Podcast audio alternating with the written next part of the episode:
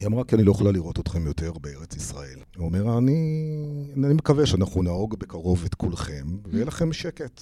והיא ענתה לו איזה משפט שהוא לא יכל לסבול, והוא ממש דחף אותה הצידה.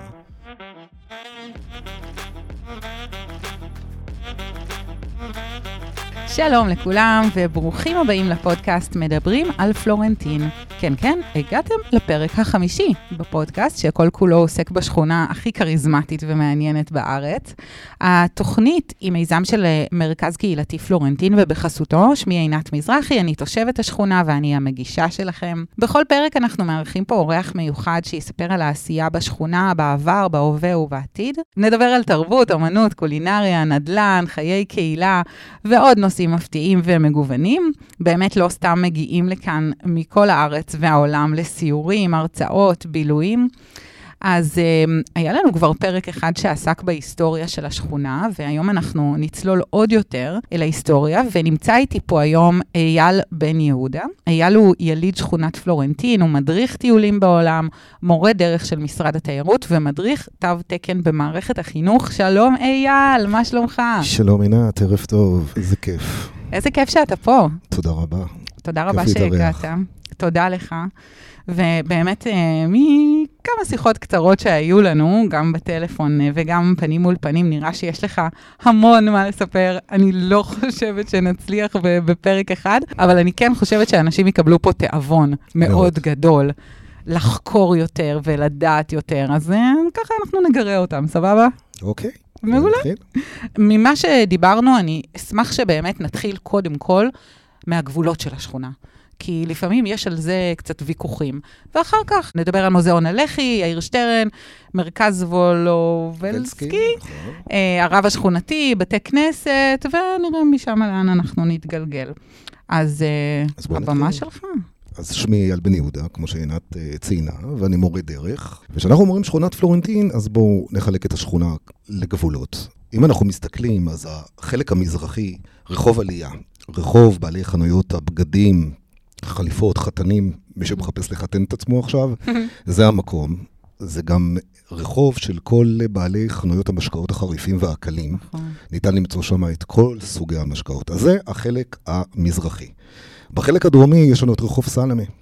רחוב סלמה שבימים האלו מתחדש. גם בתי מלון, שהבתי מלון יהיו מחוברים לאצטדיון הכדורגל בלומפינד. הולכים לעשות שם ריאה ירוקה. אז זה החלק הדרומי. בחלק המערבי יש לנו את רחוב אליפלט, שחותך בין רחוב אילת לרחוב סלמה, שהוא גם מתחדש. הרחוב הזה שאנחנו הולכים שם, פעם היה נקרא רחוב וולובלסקי. ואנחנו כבר נדבר על רחוב וולובלסקי.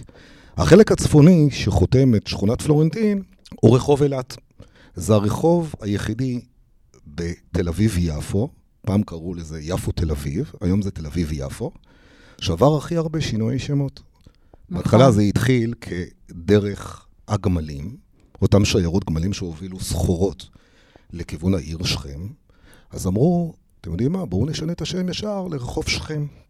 אז שינו את השם לרחוב שכם. יותר מאוחר היה סוחר מאוד גדול שקראו לו מוסטקים אלפנדי. היה סוחר רפואי, אמרו, בואו ניתן כבוד לאיש, הוא היה גם סגן ראש עיריית יפו, נתנו את השם. בשנת 48', כשיפו התאחדה עם תל אביב, ביטלו את כל השמות רחובות וקראו לרחובות במספרים. אם היום אנחנו עוברים, למשל ביפו יש רחוב 60. נכון. לרחוב הזה קראו רחוב 298. אמרו, רגע, רגע, רגע, מה פתאום 298? זה לא נשמע טוב. 298 זה טופס ויתור סודיות בביטוח לאומי. אמיתי. אמרו, לא, לא, בואו נשנה את הדבר הזה, זה לא טוב. עלה אפשרות שאולי נקרא לרחוב על שם תחנת משטרה קטנה שהיה פעם באזור, ניתן לה את השם שנקרא אום רשרש. אמרו, אום רשרש זה בדרום, מה זה קשור לפה? זה לא טוב, לא טוב, ניתן משהו פרשי. ואז קראו לרחוב רחוב אילת. דרך יפו, תל אביב. ועד היום הרחוב הזה נשאר כרחוב אילת, החלק הצפוני של שכונת פלורנטין. אז הנה, עברנו כבר על ארבעת הצדדים של השכונה. מעולה. שאמרנו וולובלסקי. היום להגיד לאנשים שגרים בשכונת פלורנטין, מרכז וולובלסקי, אף אחד לא ידע על מה מדובר. אבל הוותיקים שעדיין גרים פה, ואותם אנשים שצמחו, יגידו ועוד איך אנחנו זוכרים. שלום ולובלסקי היה סוחר נפט, שעלה לארץ מרוסיה.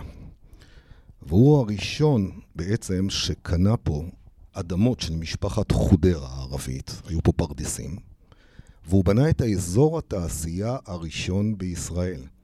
אותם חנויות שאתם יכולים לעבור, והיום כבר אין הרבה חנויות ובתי חרושת, מרחוב, אה, אה, איך זה נקרא שם? רחוב הנגרים, mm-hmm. רחוב אליפלת, כל mm-hmm. האזור הזה זה היה צריפים צריפים.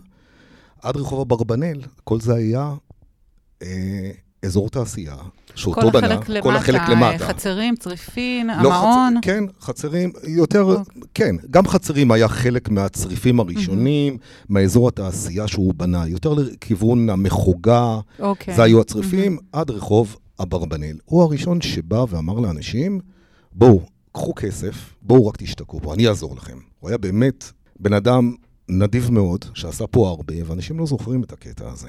אבל זה היה שלום ולובלסקי. הוא עלה לארץ בסוף שנות ה-20, ב-31 הוא פתח כבר את האזור התעשייה. כ-200 חנויות, בתי עסק. 200 חנויות היו פה? כן, 200... אה, עסקים. היו פה עסקים קטנים של אה, נגרים, mm-hmm. זגגים, בורסקאים, אותם אנשים שהועסקו פעם... אור. את יודעת, היה סוס ועגלה, היו צריכים פרסות. היה פה הרבה בתי עסק שהתעסקו עם צמר, טובים חוטים. זה גם היה, היה פה הרבה חרטים. היו פה הרבה בעלי מקצוע שנעלמו פשוט. היום כבר לא רואים את הדברים האלה. פה ושם עוד ניתן לראות מעט נגריות, אולי חרט אחד או שניים. מה הסיבה שנבחר האזור הזה להיות אזור תעשייה? משהו שקשור גם למיקום הגיאוגרפי של, ה... של האזור פה, שקשור לדרך יפו, שקשור לסחורות, או שהיה זול יותר פה? פשוט ששלום ולובלסקי בא, והוא ראה את האזור הזה, שאנשים מתחילים לצאת מיפו, בגלל שהערבים פגעו באנשים, ובאו עולים חדשים. החליטו לפתוח פה עסקים שלאנשים יהיה עבודה. האנשים הראשונים שבאו לשכונת פלורנטין היו הסולניקאים. כשהם הקימו פה את השכונה, הם היו צריכים גם כסף. ולמי הם פנו בהתחלה? הם פנו לשמעון מזרחי, שמעון דוד מזרחי. הסבא של שמעון מזרחי מנהל קבוצת מכבי תל אביב בכדורסל. הוא נתן להם אז 75 אלף לירות ישראליות, שזה המון כסף. לכבודו גם הקימו את רחוב מזרחי, מזרחי א' ומזרחי ב'. עכשיו יש כאלה ששואלים, למה מזרחי א' ומזרחי ב'? כי הוא נחצה באמצע. הוא נחצה באמצע, נכון, על ידי רחוב וולפסון. אז החליטו לתת לו את הכבוד, וקראו לרחוב רחוב מזרחי ב', היום כבר הוא נקרא רחוב שטרן. שטרן ווושינגטון. ושדרות וושינגטון, נכון. שדרות וושינגטון ניתן על שם בירת ארצות הברית, וגם בגלל עצי דקל הוושינגטוניה, שהיום בשדרה נשאר רק עץ אחד. כל היתר זה שקמים. זה עוד האחרונים האחרונים שיש בשכונה. שאפשר ככה לבוא ולראות את זה בסיורים מאוד יפה. מדהים, מדהים. כן. אז רגע, זה מוביל אותנו בעצם אה, לשטרן, לאברהם שטרן, יאיר אוקיי. שטרן. סיפור יאיר שטרן זה סיפור מאוד מאוד מאוד קשה.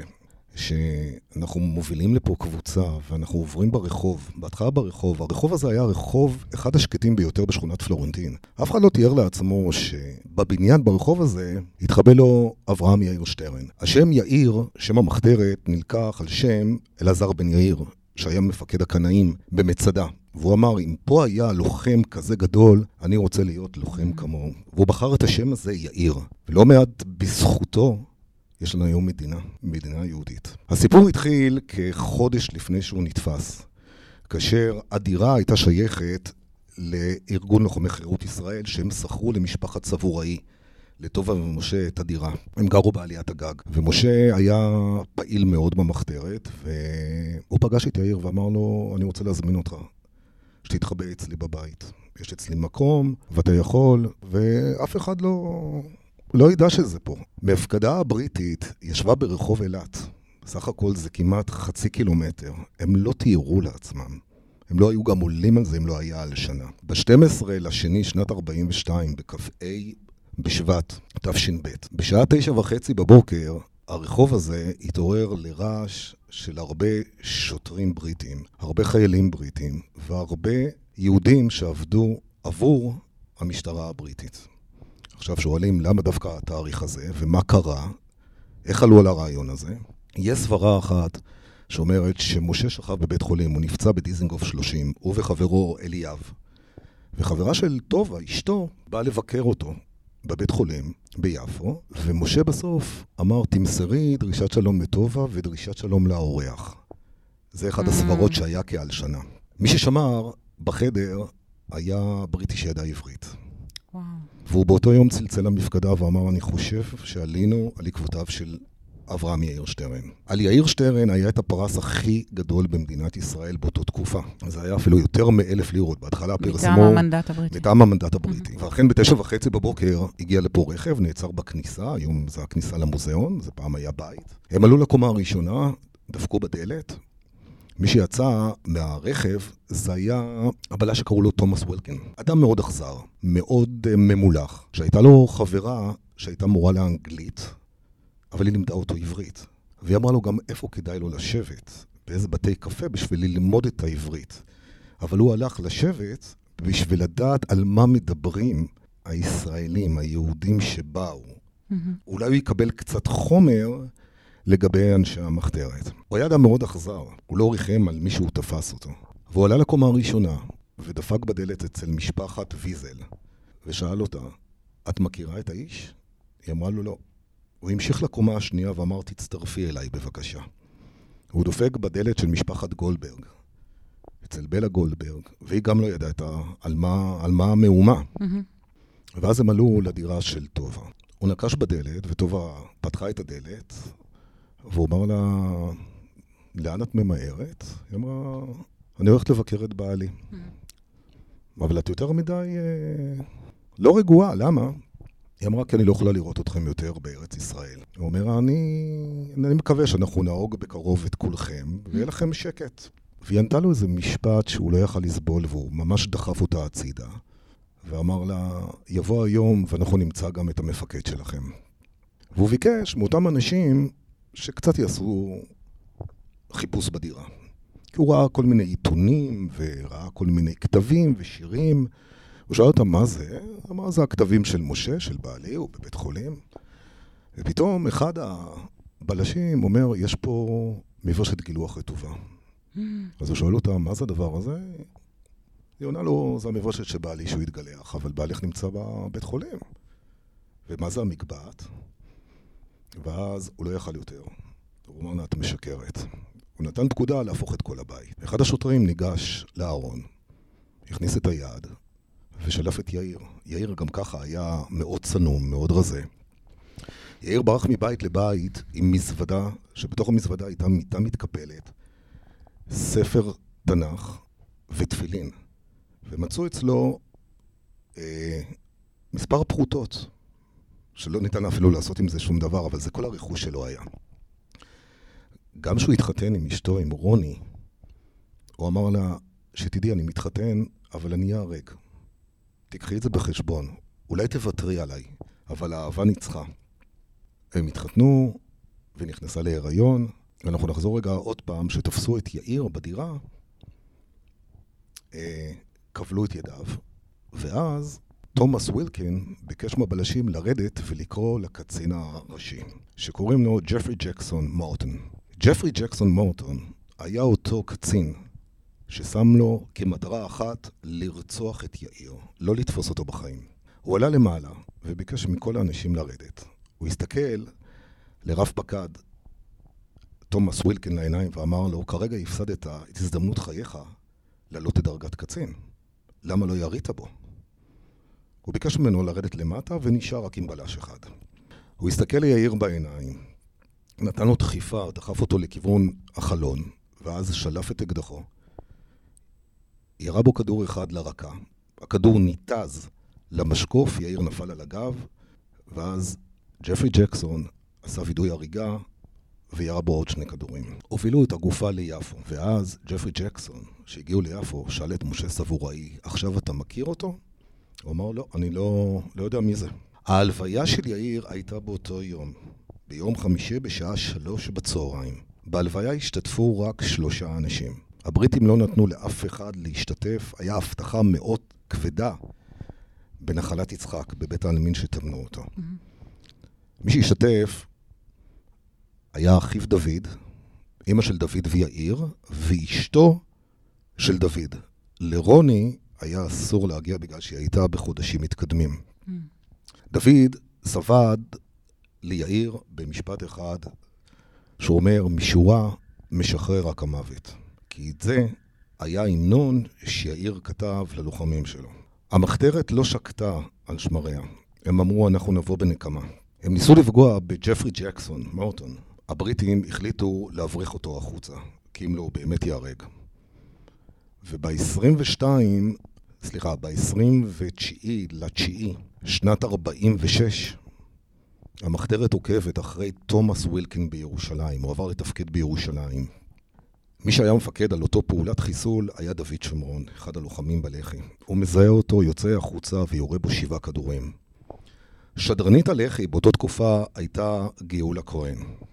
כשהיא שמעה את זה, היא יצאה בהודעה בתקשורת באותו זמן ואמרה, סוף כל סוף הלוחמים יוכלו לחיות בשלום. זה המשפט שהיא אמרה, אחד המשפטים האחרונים שלה כשדרנית ב- בלח"י.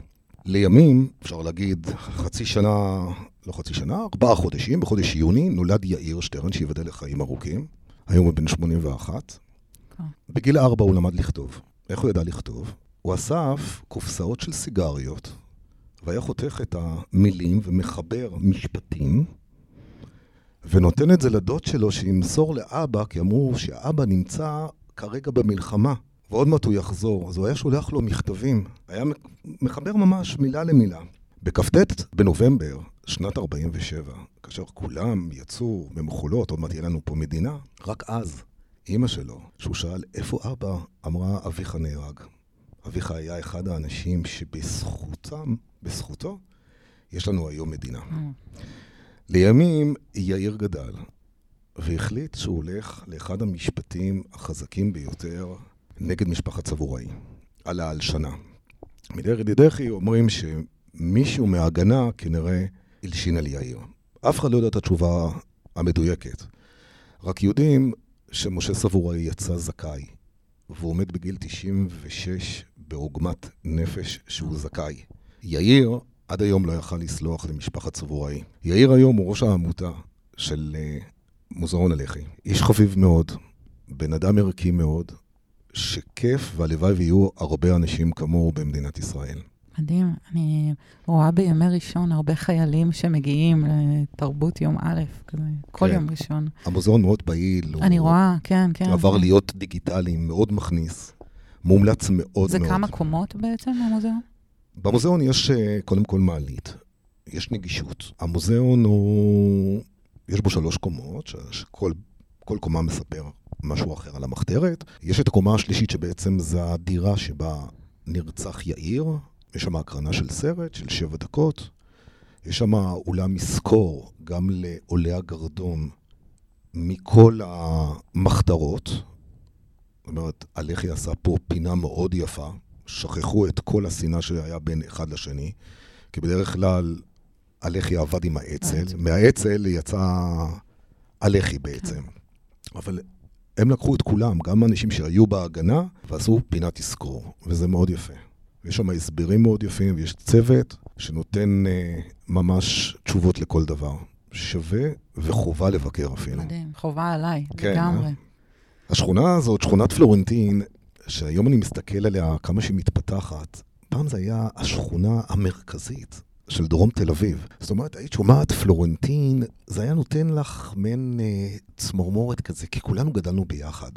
זאת אומרת, בהתחלה הגיעו הסולניקאים מיוון, ואחרי זה הגיעו הפולנים, וההונגרים, והטורקים, והעיראקים, והאחרונים היו הבוכרים. תחשבי, שבעה בתי כנסת ברדיוס של קילומטר מרובע, כאשר ביום שישי נשמע שירה אחת, לך דודי לקראת כלה, פני שבת נקבלה, ויורד מעין רוח קודש כזה בשכונה.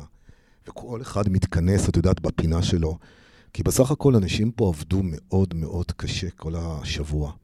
לא, לא היה פה משהו, לא היה פה לוקסוס, לא היה פה מעמדות. כולם גדלו אותו דבר, הדלתות היו פתוחות, הילדים היו גדלים אצל השכנים בעצם. כל היום גדלנו פה ברחובות, לא, לא היה לנו כמו היום מותרות. זאת אומרת, ללכת, לקנות נעליים ובגדים, זה, זה היה רק בחגים. זה, זה, זה הייתה תקופה מאוד מאוד קשה.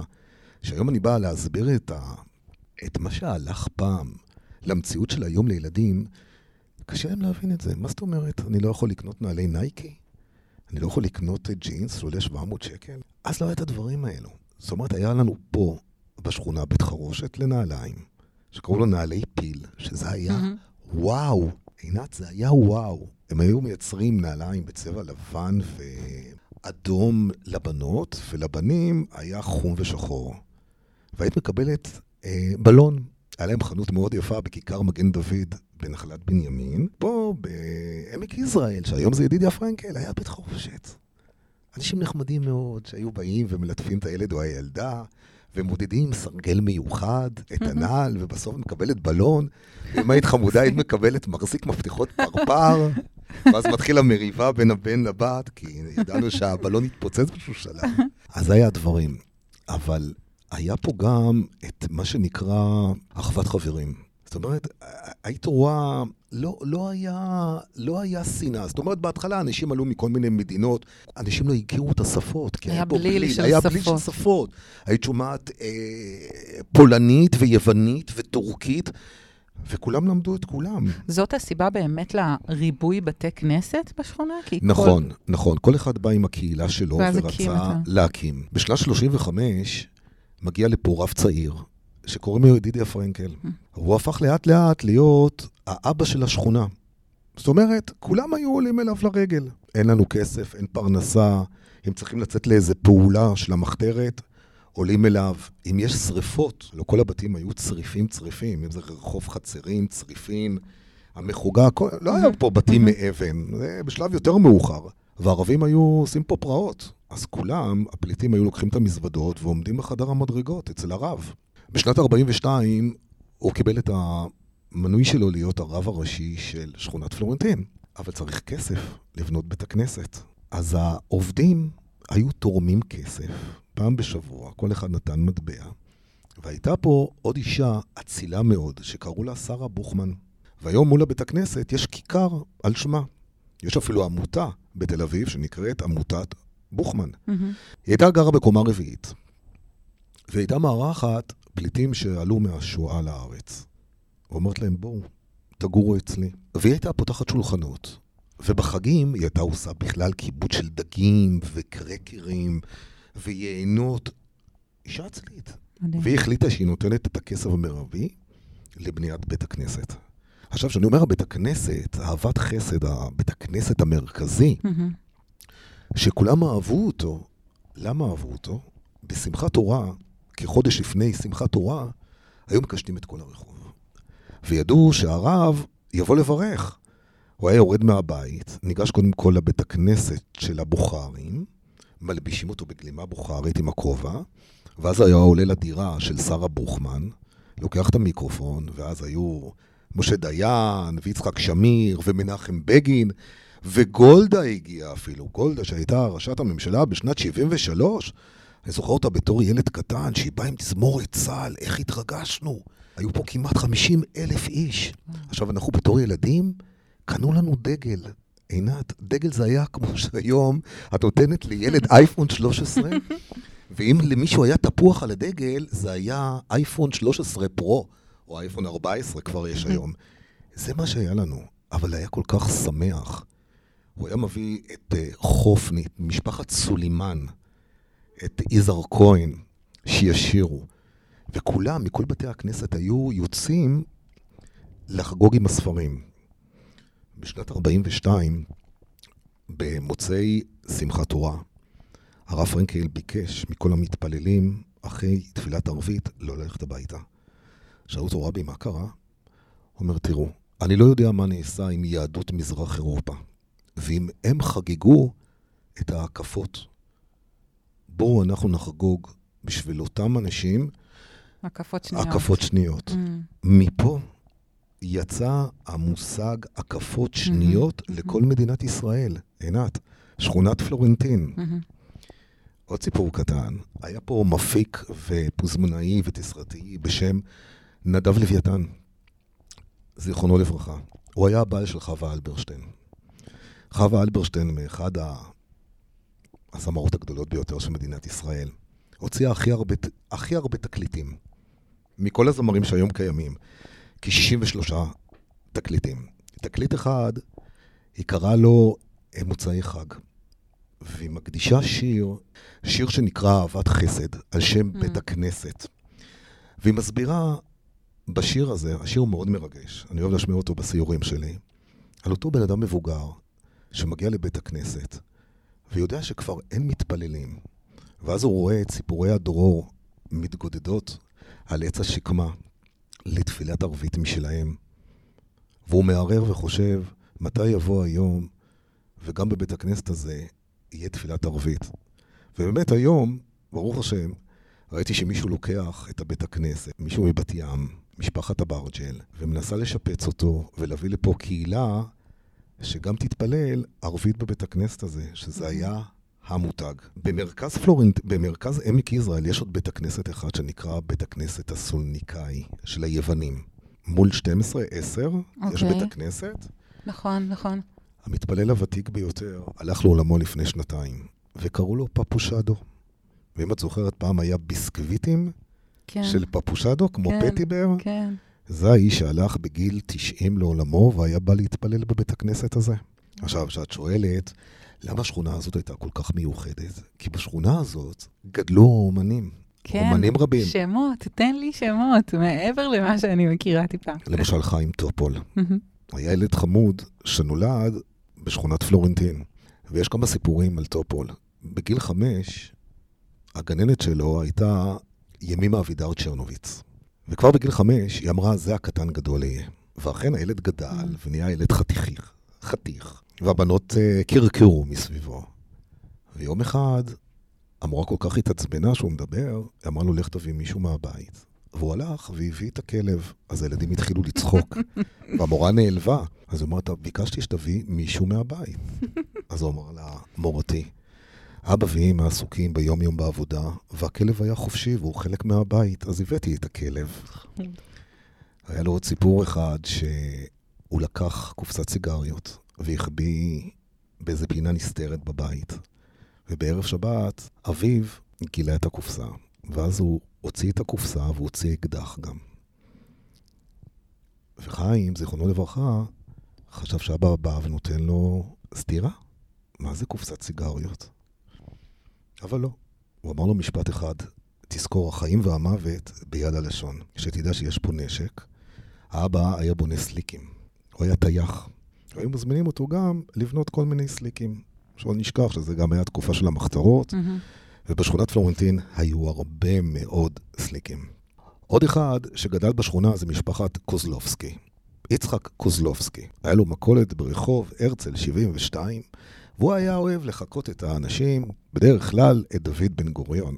אנחנו מכריזים בזאת על מדינה יהודית, היא מדינה ישראל. ליצחק הזה היה בן שקראו לו טוביה צפיר. טוביה צפיר. טוביה צפיר, גדל בשכונת פלורנטין. טוביה קוזלובסקי? קוזלובסקי, כן. זו המשפחה. מעבר לזה, מי שגדלה עוד בשכונה זה הזמרת חנה דרזנר, שנקראת אילנית, הסופר רם אורן, אחד העורכי דין הגדולים ביותר שרצה בעצם להיות מתופף. הוא לא גמר את הלימודים שלו. ואבא אמר לו, אתה הולך ולומד משפטים. הוא אמר לו, אבא, אבל אני רוצה להיות מתופף. הוא אמר לו, אתה שמעת מה שאני אומר? אני לא רוצה שתהיה כורך ספרים כמוני. והוא הלך ולמד בסוף משפטים ועשה את הסטאז' אצל אמנון זכרוני. ואותו עורך דין הקים את ארגון בצלם וייצג את ענת קם ואת זכריה זביידי, mm-hmm.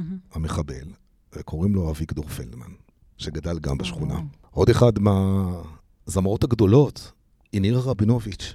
נירה רבינוביץ', רבינוביץ', אהבתי אותה גם בתור ילד. היא הייתה תלמידה של אבא שלי. אבא שלי גם, בין יתר העיסוקים שלו, היה מורה לנגינה ומנצח. והיום שאני רואה ככה בפרופיל שלה את נירה, mm-hmm. שתהיה בריאה, אני אומר כל הכבוד, כל הכבוד על כל הפעילות. היו פה עוד הרבה. לגדול בשכונת פלורנטין של שנות ה-60 וה-70 זה היה אחר מאשר היום. אין את האהבה שהיה. עדיין יש פה קסם, ובטוח שזה לא מה שהיה. נכון. אה, מהסיפורים שאני שומעת, אבל עדיין יש פה קסם. כן סיפרת לי על הדברים הפשוטים של אה, לקנות גזוז וללכת עם השקית עיתון עם בוטנים בפנים, והבורקס, ו... היה לנו כמה נקודות. אני מבינה שזה היה פשוט יותר אז. בוודאי. בזמנו, מה שנקרא לקנות גזוז, זה היה וואו. ואם היית יוצאת עם בחור או בחורה, אז הוא היה מזמין אותך, אה, היה פה חנות לפיצוחים, ג'רסי. אז היו עוטפים את הבוטנים או גרעינים בתוך נייר עיתון, הולכים עם הגזוז ביד, ועושים סיבוב לשאבי, לבורקס, כי צריך לאכול גם את הבורקס. טורקי, נכון. טורקי, על הכיפאק הוא היה. ומסתובבים גם אצל סאלח בשביל לקחת את הארטיק הטוב. ואם אנחנו בתור ילדים קטנים שעוד הלכנו לגן, אז היה פה משפחה דתית שהייתה עושה גזוז והייתה מוכרת כל מיני קופסאות של מסטיקים, שזה היה וואו. וברחוב, אה, היום זה קצת מחולק, כי זה שייך בין נווה צדק לשכונת פלורנטין, היה בית חרושת לשוקולד. אה. שנקרא ליבר. השוקולד. הראשון, נכון? פעם הם ייצרו, הם אלו שעשו את השוקולד הראשון, הראשון, הראשון, שנקרא מקופלת. והם גם הביאו את המסטיק, שפתחתי אותו, אמרתי, היום אני אכיר מישהי בשם עינת, והיא תזמין אותי בזוקה? לפודקאסט. בזוקה, נכון. די. שבימים האלו, המותג האמריקאי הזה נמכר ב-700 מיליון דולר. שמי שמנהל את זה, זה אחד המנהלים לשעבר של חברת וולט דיסני. אז זה הדברים היפים, ובתור ילד, שהיינו הולכים בחופשים לבית חרושת ליבר, כי הריח של השוקולד פה הטריף את כולם. זה היה וואו אחד גדול. איפה בדיוק זה היה, הבית חרושת? בית חרושת ליבר, היום יש שם בניין מגורים שנקרא ליבר. על פארק המסילה, אוקיי. על רחוב אילת, לפני בית רומנו. יש בניין גבוה של 28 קומות, שם עמד וואו. בית חרושת ליבר. אגב, בית רומנו נחשב בפלורנטין? זה על רחוב לא. אילת. זה רחוב אילת. כי בגלל שזה כן, בצד השני. בדיוק. בית רומנו זה, זה, קודם כל זה המרכז קניות, מה שנקרא קניון. הראשון. הראשון. מי שבנה אותו זה אלי וזקי רומנו, שהם היו מגורשי, אה, צאצאים של, ה, של אה, מגורשי ספרד, הרבי מווילנה, הגאון מווילנה, אה, והם עלו לארץ ובנו את המקום המקסים הזה. המקום המקסים הזה שימש בהתחלה משרדים של צה"ל, שירות הביטחון, מס רכוש, מס הכנסה היה שם, מועצת פרי ההדר. כל חנויות הטקסטיל הראשונות, בגדי ים, לוג'יה שהיה בזמנו, אנשים היו רצים לבית רומנו. היום יש שם את התדר שמשדר מוזיקה כן. טובה. מהמם, באמת חבר'ה טובים מהמם. שעושים דברים טובים. אז זו פינה קטנה ככה על בית רומנו. לקראת סיום, למרות שבאמת אפשר עוד להמשיך לדבר המון, אתה עושה פה הרבה סיורים בשכונה. נכון. מה ככה הדברים שהכי מפתיעים אנשים לשמוע, אנשים שבאים אה, מכל הארץ באמת לטייל פה? בסיורים שלי אנשים אוהבים לשמוע קודם כל מה היה פה. איך בכלל קמה שכונת פלורנטין. כי אנחנו מסתובבים פה, ואנחנו רואים פה הרבה בתים של הטמפלרים. ואנחנו מדברים גם על הטמפלרים, ואנחנו מדברים פה על הרחובות הראשונים, על אנשים שהקימו, על בעלי מקצועות שנעלמו, ואנחנו עוברים ממש בין הסמטאות, ואני נותן לאנשים את התחושה, לוקח אותם בזמן, ומספר להם כמה סיפורים שקרו עם שכנים שכנים. ויש לפעמים אנשים שנולדו פה, שאומרים לי, רגע, איך אתה יודע את זה? מהמם. אתה עוד לא נולדת. ואתה מספר לי, אני נולדתי פה. ואתה מספר לי על השכנה הזו, זה בדיוק ככה היה. ועוד אתה מוצא לאנשים ואני את עוד החברי מוצא ילדות לאנשים את. החברי זה ילדות, מטורף. ואנשים עושים קישור של אחד ושני, ואין כמעט טיול שאנשים לא יתרגשו ויזלו דמעות בסוף מרוב התרגשות, כי לא רק שאנחנו נכנסים למוזיאון ואנחנו חווים את הסיפור של יאיר, כל השכונה היא מרתקת. ברגע שאת נכנסת ואני מחזיר את האנשים אחורה בזמן, לדברים היפים של פעם, לדיבור שהיה פעם, לסיפורים, לשירים, ואני משמיע הרבה שירים והרבה סיפורים שאני מספר. להם, בדרך כלל אני שומע מילה אחת בסוף, וואו, מה נגמר? ארבע שעות? סיור? חשבנו בהתחלה שזה הרבה, אבל זה כמו ארבע דקות. אז אני מזמין אתכם באמת, תבואו לשכונת פלורנטין, לסיורים שלנו. אנחנו עושים הרבה סיורים בשיתוף עמותת לח"י, לוחמי חירות ישראל. תיכנסו מורשת לח"י, תראו טיולים שלנו, ושיהיה לכולם רק טוב. מדהים. וואו, אייל, ממש ממש תודה לך. אני תודה גם לך. מסיים בוואו, כי, כי באמת זה סופר מעניין, וזה כבר הפרק השני, כביכול שעוסק בהיסטוריה, ונדמה שיש עוד המון מה לספר. אכן כן. וזה גורם לי, ואני בטוחה שגם למאזינים, להסתכל קצת אחרת עכשיו על, על בתים מסוימים בשכונה ועל פינות מסוימות, ולדמיין יותר בעלי מה היה פה. המקצוע, הבורקס הראשון של השכונה, שמיס, שנכנסים לי בפנים, וחווים את הטעמים, זה משפחה כן. ממש, שאיך להגדיר אותם? אוצר. הם ממש כן. חביבים ונדיבים מאוד, ויש לנו היום גם גלריה מאוד יפה בשכונה. גלריית אומנות. בקיצור, תבואו, כן. יהיה מעניין. מדהים. תודה רבה, אייל. תודה לך, עינת. שיהיה יום נעים. גם לך, תודה רבה. ועוד מילה לכם, אם אהבתם את הפרק וגם את הפרקים הקודמים, נשמח שתדרגו אותנו בחמישה כוכבים. תעקבו, תעשו לנו פולו, אנחנו נמצאים בכל הפלטפורמות ונשמח לשמוע מכם. באינסטגרם אנחנו מופיעים כפלורנטין.קומיוניטי ובפייסבוק אה, מרכז קהילתי פלורנטין. אני הייתי עינת, תודה רבה לכם, יום נעים.